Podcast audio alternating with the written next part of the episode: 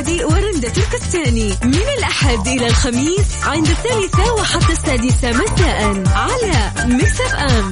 ميكس أف أم هي كلها في ال mix.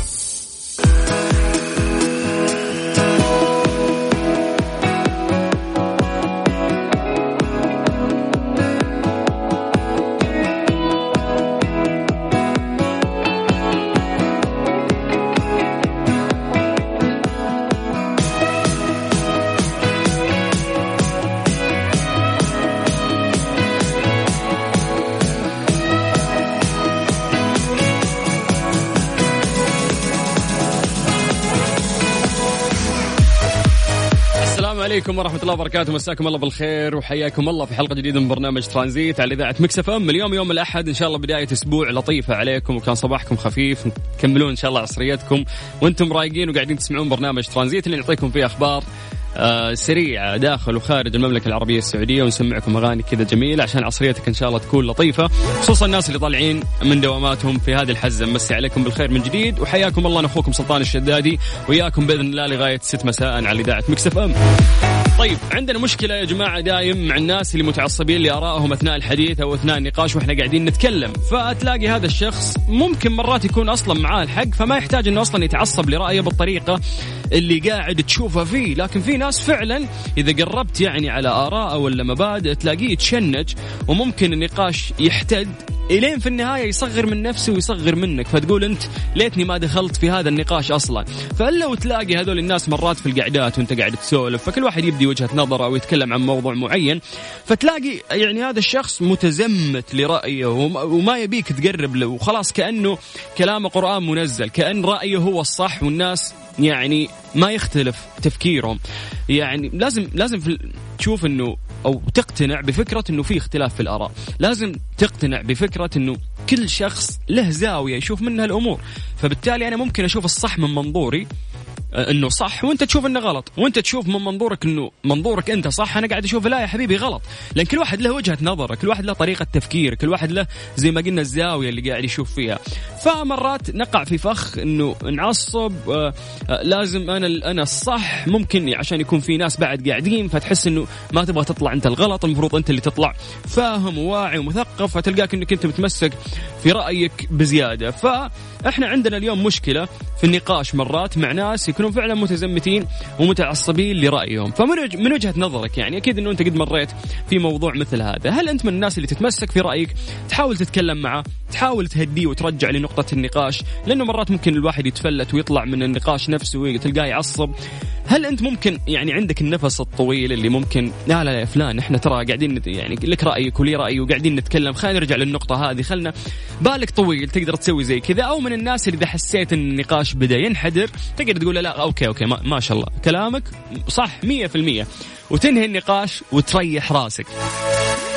فأبي أعرف أنت من, من أي ال- ال- الناس يعني إذا بديت في النقاش تحس إنه بتقول فكرتك وانتهى الموضوع وبكيف اللي قدامك اقتنع ولا ما اقتنع؟ وتقول له خلاص أوكي شاطر ما شاء الله حلو حلو رأيك تقفل الموضوع. أو من الناس اللي لا لازم يعني تفهم وجهة نظري سواء ممكن بطريقة محترمة أو حتى ممكن تعصب وتتفلت. ما أدري نبي نسولف في هذا الموضوع لأنه في ناس ممكن آه، ما يقصدون هالشيء بس إنه شخصيته عصبية ينشد من أول يعني ما يدخل في نقاش ويتكلم ويتحدث تلاقي شخصيته يعني تبدأ تظهر فيها العصبية. فخلينا نسولف عن هذا الموضوع بشكل عام. إذا هذه يعني الشغلة كانت فيك أو كانت في ناس من أصحابك أو أهلك تتكلم معاهم وتلاحظ فيهم يعني هذا الموضوع كيف نتعامل معاهم؟ هذه هذا يعني السؤال المهم. اسأل نفسك إنه أنت كيف تتعامل معاهم وأتمنى إنه أنت تعطيني إجابتك عن طريق الواتساب. بس ترسل لنا عن طريق الواتساب وأنا بدوري راح أرجع وأتصل فيك. سجل عندك هذا الرقم على صفر خمسة أربعة ثمانية ثمانية واحد واحد سبعة صفر صفر. بكل بساطة أعيد لك الرقم مرة ثانية. سجل عندك دائما باسم مكس إف إم صفر خمسة أربعة ثمانية وثمانين أحد سبعمية. ترانزيت لغاية ست مساء على إذاعة مكس إف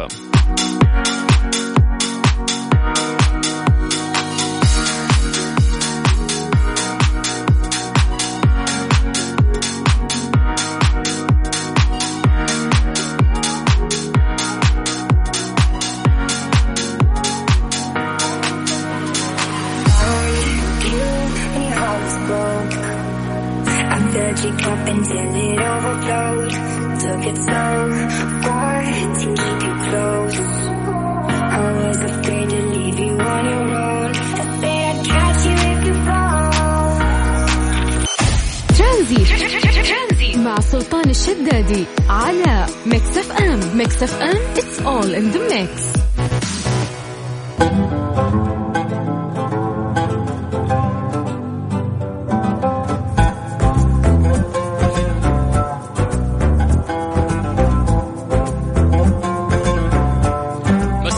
بالخير من جديد وحياكم الله ويا أهلا وسهلا. قاعدين نسولف عن موضوع كيف تناقش يعني شخص متعصب لرايه متزمت خلينا نقول يعني يمكن هذه العبارة توصف هذه الأشخاص أو هذول الأشخاص عفوا لأنه مرات يعني النقاش ينحرف أصلا عن مساره لأن الشخص ذا عصبي ويبدأ يتفلت فيطلع النقاش فتحاول إنك ترجعه. يا ابن الحلال إحنا قاعدين نسولف عن موضوع معين.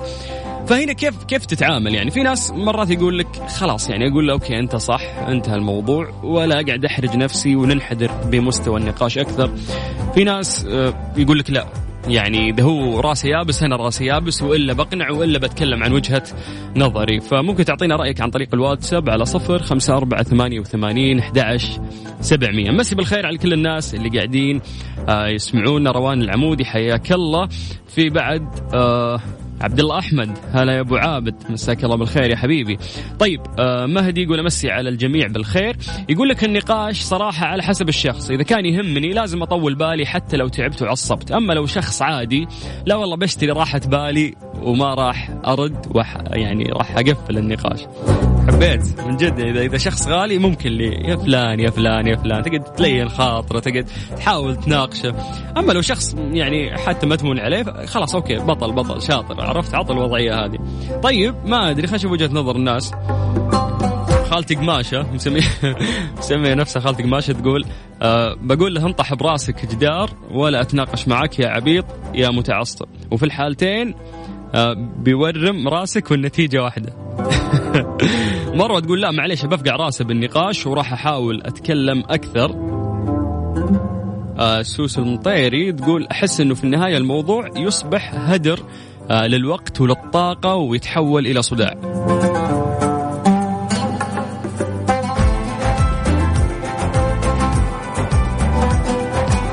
طيب زوزة تقول إنه أصعب شيء إنك أنت تناقش شخص مقتنع ومتعصب لرأيه والمشكلة يكون رأيه غلط. فياس هي هذه المشكلة إنه خلاص يعني لأنه شاف من زاويته أو نظرته إنه هذا الشيء صح فمستحيل إنك أنت تغير قناعته لأنه هو شايف صح. طيب يعني كل واحد له زاويته في النهاية في النظرة لهذا الموضوع. محمد يقول أسوأ شيء إنك تكون متعصب لرأيك. آه لازم إنك أنت تحاول تفتح عقلك أكثر آه وتسمع للناس قد تكون أنت غلط. محمد الغامدي يقول من أنواع النقاشات العقيمة إنك تناقش شخص متعصب لرأيه ولا يتقبل منك أي شيء سواء كان على صواب أم على غلط.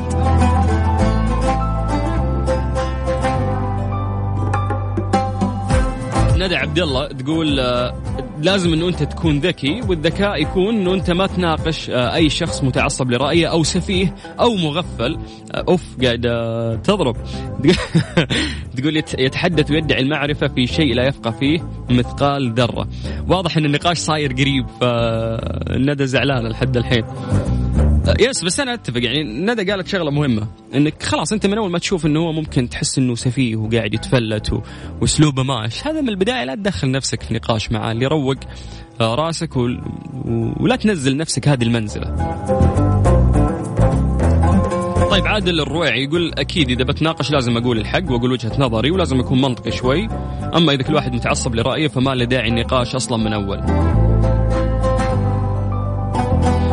طيب شاهين العتيبي يقول لك أجر الاجتهاد ولم تأتي بم- بمبتدأ رأي من عندك ونصيحتي إن لا تناقش من يعارضك لأنه متعصب لرايه مسبقا والنقاش معهم آه، مضيعة للوقت، لا من يعارضك ناقش لكن أول ما تحس إنه فعلا متعصب بزيادة هنا عاد آه، نرجع لوسيلة اللي إذا هو قريب إذا هو عزيز ممكن تكمل النقاش معاه تهديه تروقه. أما لو إنه شخص ممكن ما يعني لك عطى وضعية اللي خلاص أوكي أنت لك وجهة نظرك وأنا لي وجهة نظري وروق. عشان ما يكون في غلط اللي زعل إنك أنت تبدأ نقاش ويكون في حوار وفي النهاية يتحول إلى غلط أو رفع صوت أو ما ينفع يعني.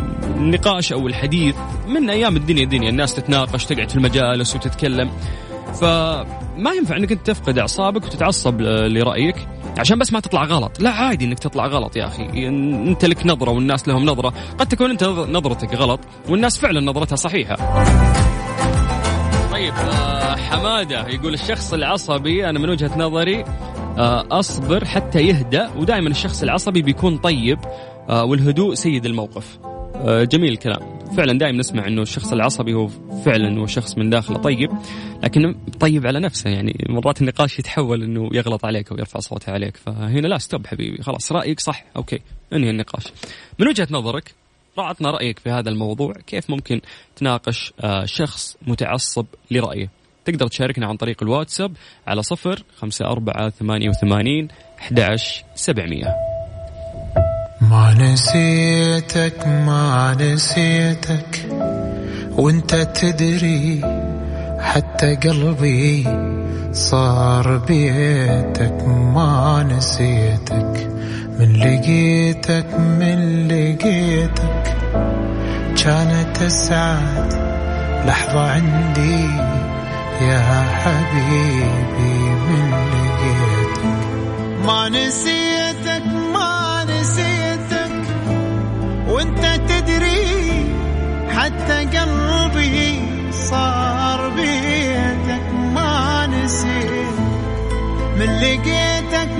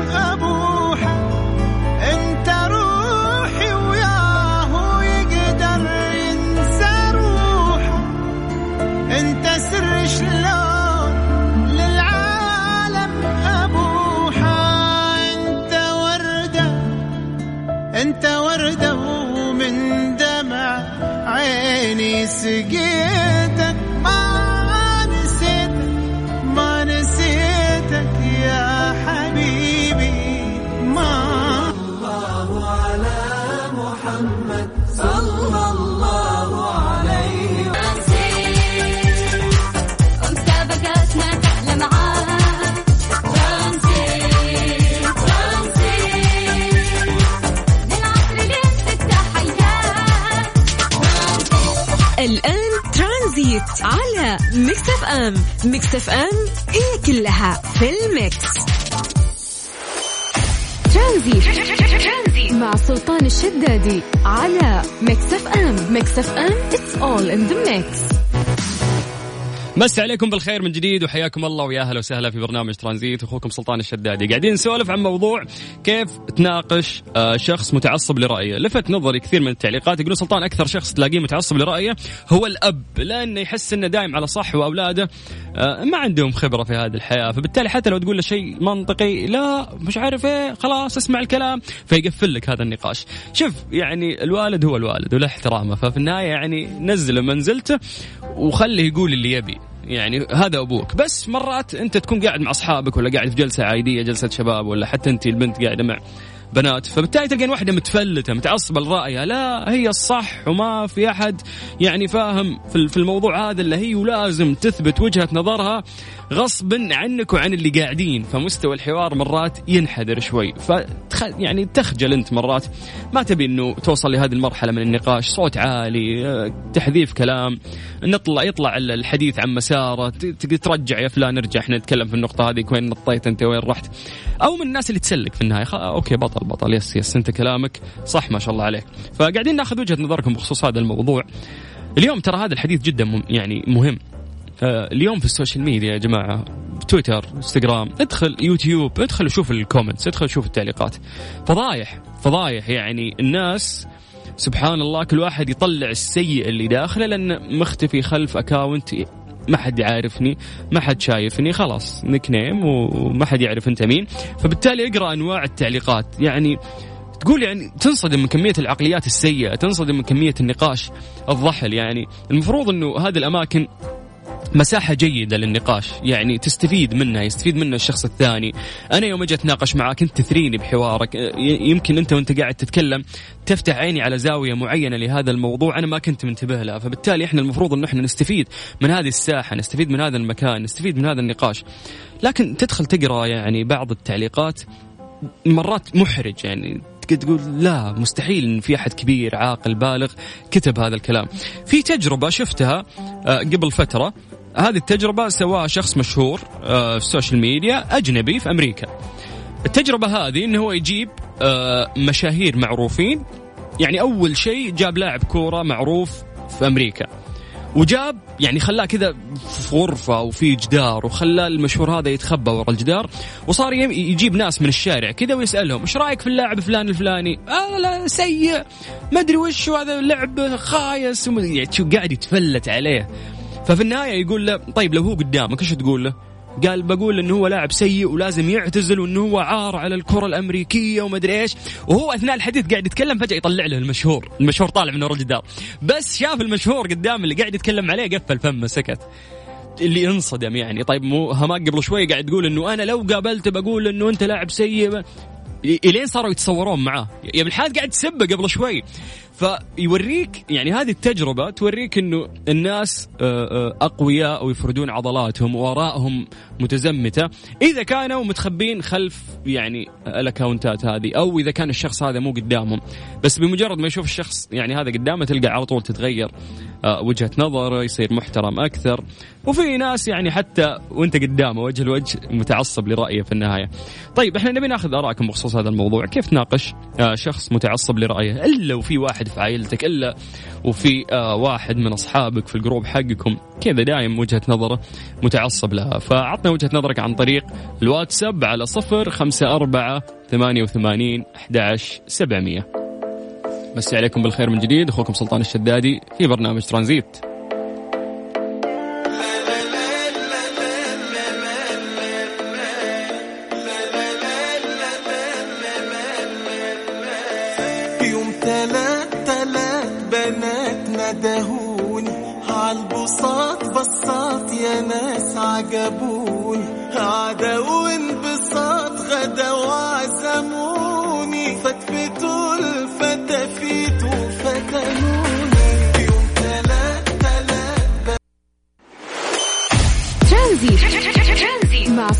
الشدادي على Mix FM Mix FM it's all in the mix.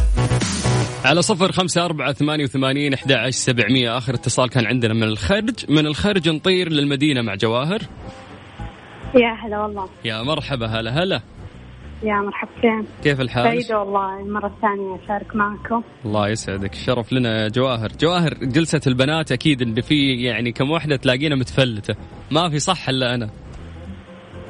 أوه محور الكان يعني. إيه، وآرائها إيه لازم. تكون صح يعني. هذه هذه كيف تتعاملين معها؟ آه هذه إنه تعطيها على جوها يعني. إنه أنت صح. لأنه ما ينفع مع تعر- تعرضها أو يعني ما متقبلة إنه الآراء إنه كل واحد له امم خصوصا إذا البنات يعني في عمرها يعني تبغى هي الرأي الصح وبس. فتعطيها على جوها يعني وبس. أوكي يعني- أنا واضحة فكرة إنه أنت تبي تريحين رأسك فتعطينها على جوها. بس ما تحسين مرات اللي لا خلني أنصحها لنفسها ما ينفع كذا. يا بنت الحلال روقي شوية مو معناته إنه أنت دايم صح. آه ما تعطي فرصة يعني. خلاص أنا صح وبس. مشكلة هذه. إي مرة مشكلة. طيب لو أعطيكي مقياس بنسبة 100% كم تقيمين نفسك للتعصب في رأيك؟ بدون مثاليات آه 30 بالمية كم؟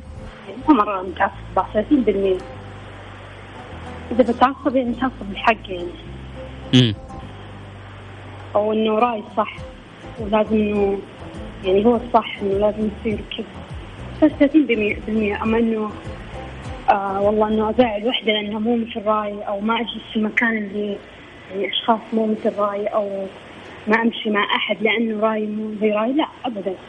حتى في التويتر يعني كثير يكون لآرائهم امم أو إنه هو رايه هو الصح. لازم أحد الناس يعني يمشي يمشون عليه أو يدرون عنه أو لا يعني الآراء تختلف. في آراء ما صحيحه 100% يعني وكثرة من الموالين للرأي هو ال- اللي هو الصح. هو اللي يمشي. أما المتعصب والمتعارف هو اللي يخلي الرأي ما يمشي أو مهم. طيب جميل كلامك. آه، مبسوط إني حكيت معك جواهر. والله يعطيك العافية. والله. شكرا. عافية. شكرا يا هلا وسهلا. مسي بالخير على كل أهل المدينة الطيبين اللي قاعدين يسمعونا. في تعليق مرة جميل وصلنا عن طريق الواتساب آه، من بدر السبيعي. يقول سلطان نصيحة محب. لا تناقش جاهل في كلامه أو متعصب لرأيه. إحنا قاعدين نتكلم عن المتعصب في رأيه. فهو جمعه مع الشخص اللي جاهل في كلامه. قال كلهم يملكون قلب أعمى وعقل مقفل. فمن البداية ريح نفسك ولا تدخل نفسك في نقاش مثل هذا. أنا أحس لا. بالعكس. ممكن يا أخي. ليه ما نساعده؟ ليه ما نطلع من ناخ يعني ناخذ بيده، نطلع من المشكلة اللي هو فيها، ابن الحلال ترى مو كذا، يعني ما راح تقدر تناقش بكرة، ما راح تقدر تتكلم، الناس كلهم راح يتهربون منك. فنحاول يعني نأثر على هذه الفئة آه، من الناس ونساعدهم. وجهة نظر، هات وجهة نظرك أنت عن طريق الواتساب على 054 88 11 700. مع سلطان الشدادي على Mix FM Mix FM it's all in the mix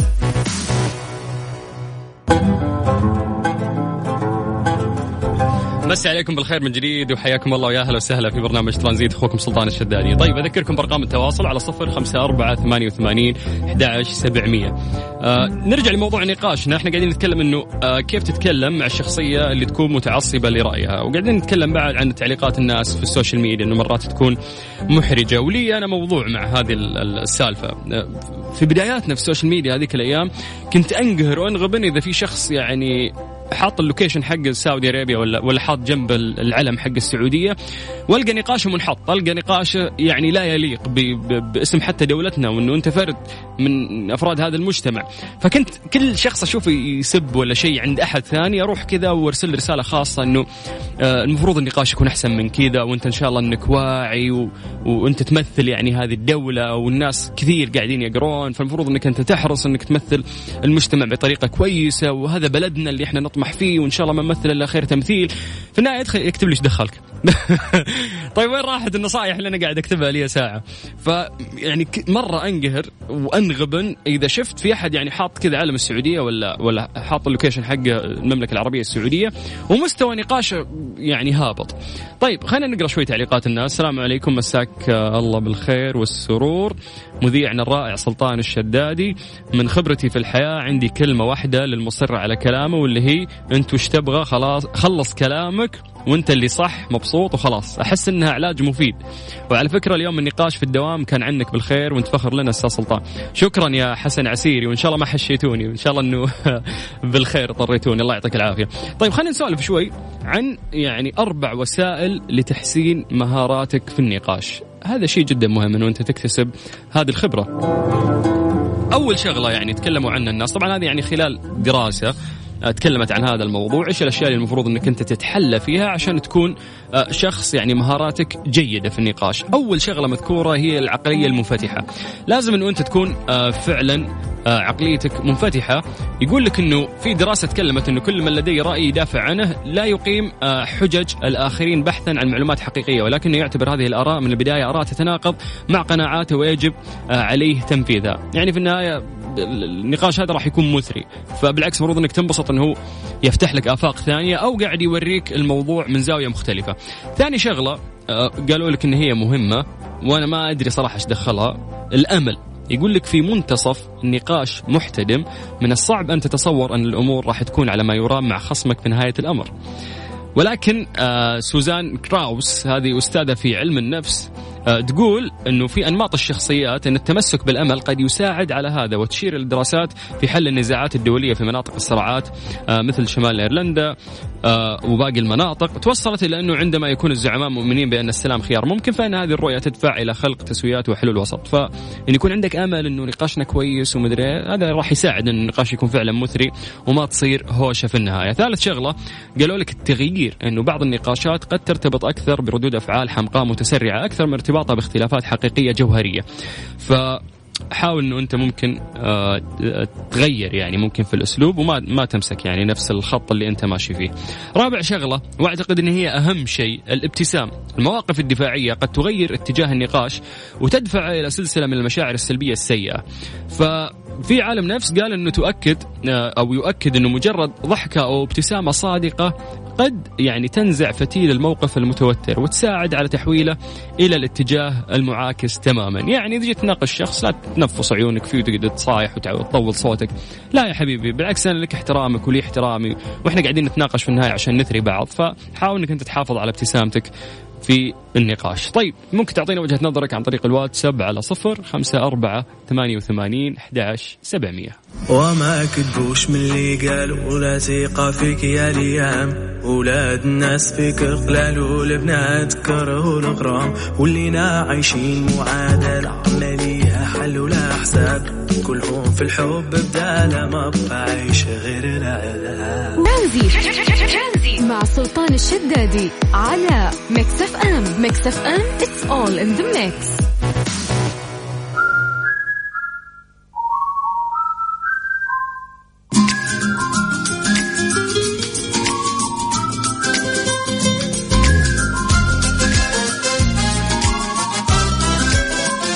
اسوء شيء صاير في منصات التواصل الاجتماعي إنهم نفسهم صاروا يقلدون بعض. فبالتالي يعني لو يعني فيسبوك صار ميزة حلوة عند آه، سناب شات يروح يقلده. سناب شات عندهم حركة ال story وتنزل شيء 24 ساعة ويختفي. interesting يلا نجحت الفكرة قلدهم. الحين سناب شات راحوا وقلدوا شغلة عند آه، تيك توك هذه الشغله جدا نجحت. فتلتزم شركة سناب آه، تشات بوعدها بجلب الموسيقى إلى منصات سناب شات، يعني وش الميزة أصلا اللي خلت تيك توك تنجح؟ إنه أنت عندك مقاطع سواء موسيقية أو مواقع يعني مقاطع تمثيلية آه، تختارها بس وتشغل الفيديو فبالتالي يشتغل هذا المقطع يقعدون الناس يقلدون عليها يقعدون يغنون معاها. هذه الميزة خلت يعني تيك توك يفرق عن عن باقي المنصات لأنها كانت شغلة جديدة والناس فعلا حبوها وانتشرت. فقالوا سناب شات حبيبي إذا ما نجحت عندهم نسويها إحنا عندنا. فصاير يعني في حركة نسخ لصق في كل المواقع.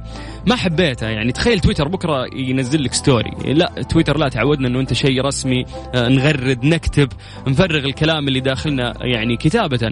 ففي تصوير في أشياء ثانية خلها ال- باقي ال- المنصات. فأحس إنه تميز بالشيء اللي انت فيه ولا تروح تقلد. فسناب شات إيش سوى؟ وقال إنه آه سووا إعداد آه للمنافسة بشكل أكبر مع تيك توك وإنستغرام وأعلنت الشركة على أنها أصبحت تتيح لجميع مستخدمين ال iOS حول العالم إضافة مقاطع الأغاني قبل أو بعد التقاط اللقطات. يعني إذا جيت فتحت سناب شات راح تلقى فيه كذا أيقونة على اليمين عليها رسمة music إذا ضغطت عليها راح آه تطلع لك يعني أغاني وموسيقى كثير تقعد أنت تختار من بينها وراح تشتغل وتقدر تصور عليها. فاعطونا وج... يعني آه وجهة نظركم بخصوص هذا الموضوع. هل تحس إنه عادي حلوة المميزات إنه يتشاركونها كل المواقع؟ آه، أو تحس إنه لا كل موقع المفروض إنه يتفرد بالشيء اللي يخصه؟ يعني أحس إلا تويتر يعني بليز لا تت... لا تسوي الأشياء هذه اللي قاعدين يسوونها باقي المنصات لأنه أعتقد بالنسبة لي إنه هو شيء رسمي. مع سلطان الشدادي على Mix FM. Mix FM it's all in the mix.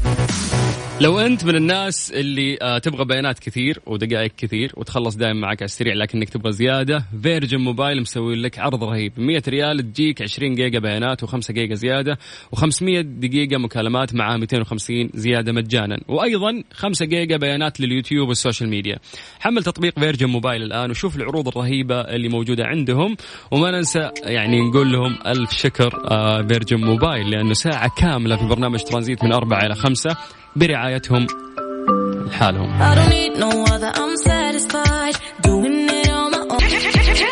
سلطان الشدادي على Mix FM. Mix FM it's all in the mix.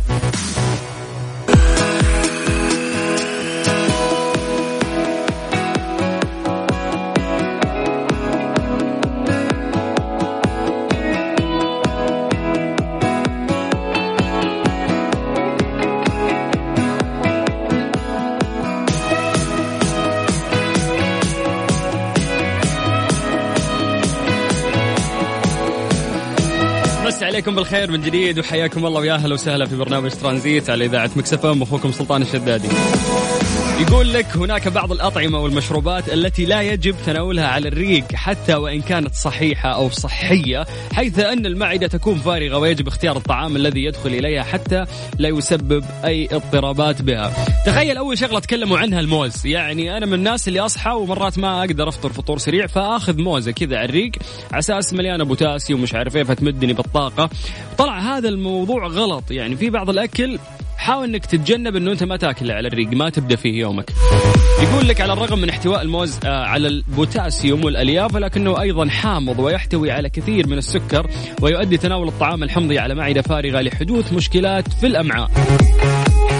طيب خلصنا من الموز خلينا نروح لثاني شغلة. يقول لك الزبادي المحلى. لا ينصح بتناول الزبادي المحلى على الريق لأنه غني بالسكريات الصناعية الضارة والأفضل هو تناول الزبادي اليوناني آه، وتحليته بالعسل أو بالفاكهة.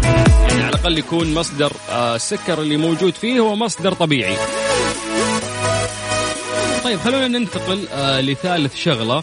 يقول لك الخضروات الخضراء النية. أيضا تعد الخضروات من الأطعمة الصحية والمفيدة ولكن تناولها على معدة فارغة. قد يزيد من فرص الإصابة بالانتفاخات أو الغازات أعزكم الله وتهيج الألم آه في البطن. رابع شغلة يعني قدموا فيها نصائح جدا كثير وقالوا ما ينفع إنه أنت تأكلها على الريق هي الطماطم. يقول لك إنه الطماطم من الخضروات الغنية بالفيتامينات كما إنها آه، منخفضة آه، يعني السعرات الحرارية فيها جدا منخفضة ولكن لا ينبغي تناولها على معدة فارغة لأنها يمكن أن تسبب الآلام في البطن. خامس شغلة الفواكه الحمضية يعني أي فاكهة حمضية ينصح بتجنبها على معدة فارغة مثل البرتقال والليمون والجريب فورت وخاصة ال- الفروت عفوا وخاصة لمن لديهم معدة حساسة. كونها تتفاعل بشكل سلبي مع العصارة الهضمية وتسبب آه، تهيج وحرقة في المعدة. طيب سادس شغلة اللي كنا دائما نسمع عنها المشروبات الباردة. يقول لك ينبغي تجنب أي مشروبات باردة على الريق لأنها تسبب آه، تهيج المعدة والأمعاء. سابع شغلة الكمثرى تحتوي الكمثرى على ألياف يمكن أن آه، تلحق الضرر بالأغشية المخاطية الحساسة بالمعدة عند تناولها على الريق. ثامن شغلة وأكيد كلنا نعرفها القهوة، ما ينفع إنه أنت تشرب قهوة على الريق على طول، آه، أكثر الناس في هذه الحياة يتناولون القهوة أو المشروبات الغنية بالكافيين على الريق. هذه العادة ضارة بالصحة تؤدي لإضطرابات في المعدة والهضم وتسبب الانتفاخ وتهيج الأمعاء. أكثر شيء يعني نهاية وملخص هذا الموضوع. أكثر شيء المفروض أنه أنت تاكله مو تمتنع عنه على الريق هو الثوم والعسل. يقول لك يمكن تفادي مشكلات المعدة ومساعدتها لاستقبال الطعام من خلال تناول مزيج الثوم والعسل على الريق. لتحضير المزيج يتم وضع 12 فص ثوم مفروم في جرة عسل ومزجهما جيدا وتترك في مكان بعيد عن أشعة الشمس لمدة أسبوع. آه طبعا يعني ما okay يعني هذا كلام دراسات بس أنا ما ما أنصح فيه يعني 12 فصه كثير too much يعني آه، يحسبها ال- الشخص ممكن اللي يسمعنا إنه لليوم الواحد إنه هو يخلص هذا الشيء لا فالمقدار يكون قليل يعني والثوم صراحة ما أنصح بعد يعتبر حار ممكن على المعدة لكن العسل نعرف ونسمع جدا كثير إنه هو مفيد وخصوصا إذا كان على الريق طيب عبد المجيد إيش بتسمعنا؟ ما كان هذا حب أجل إيش؟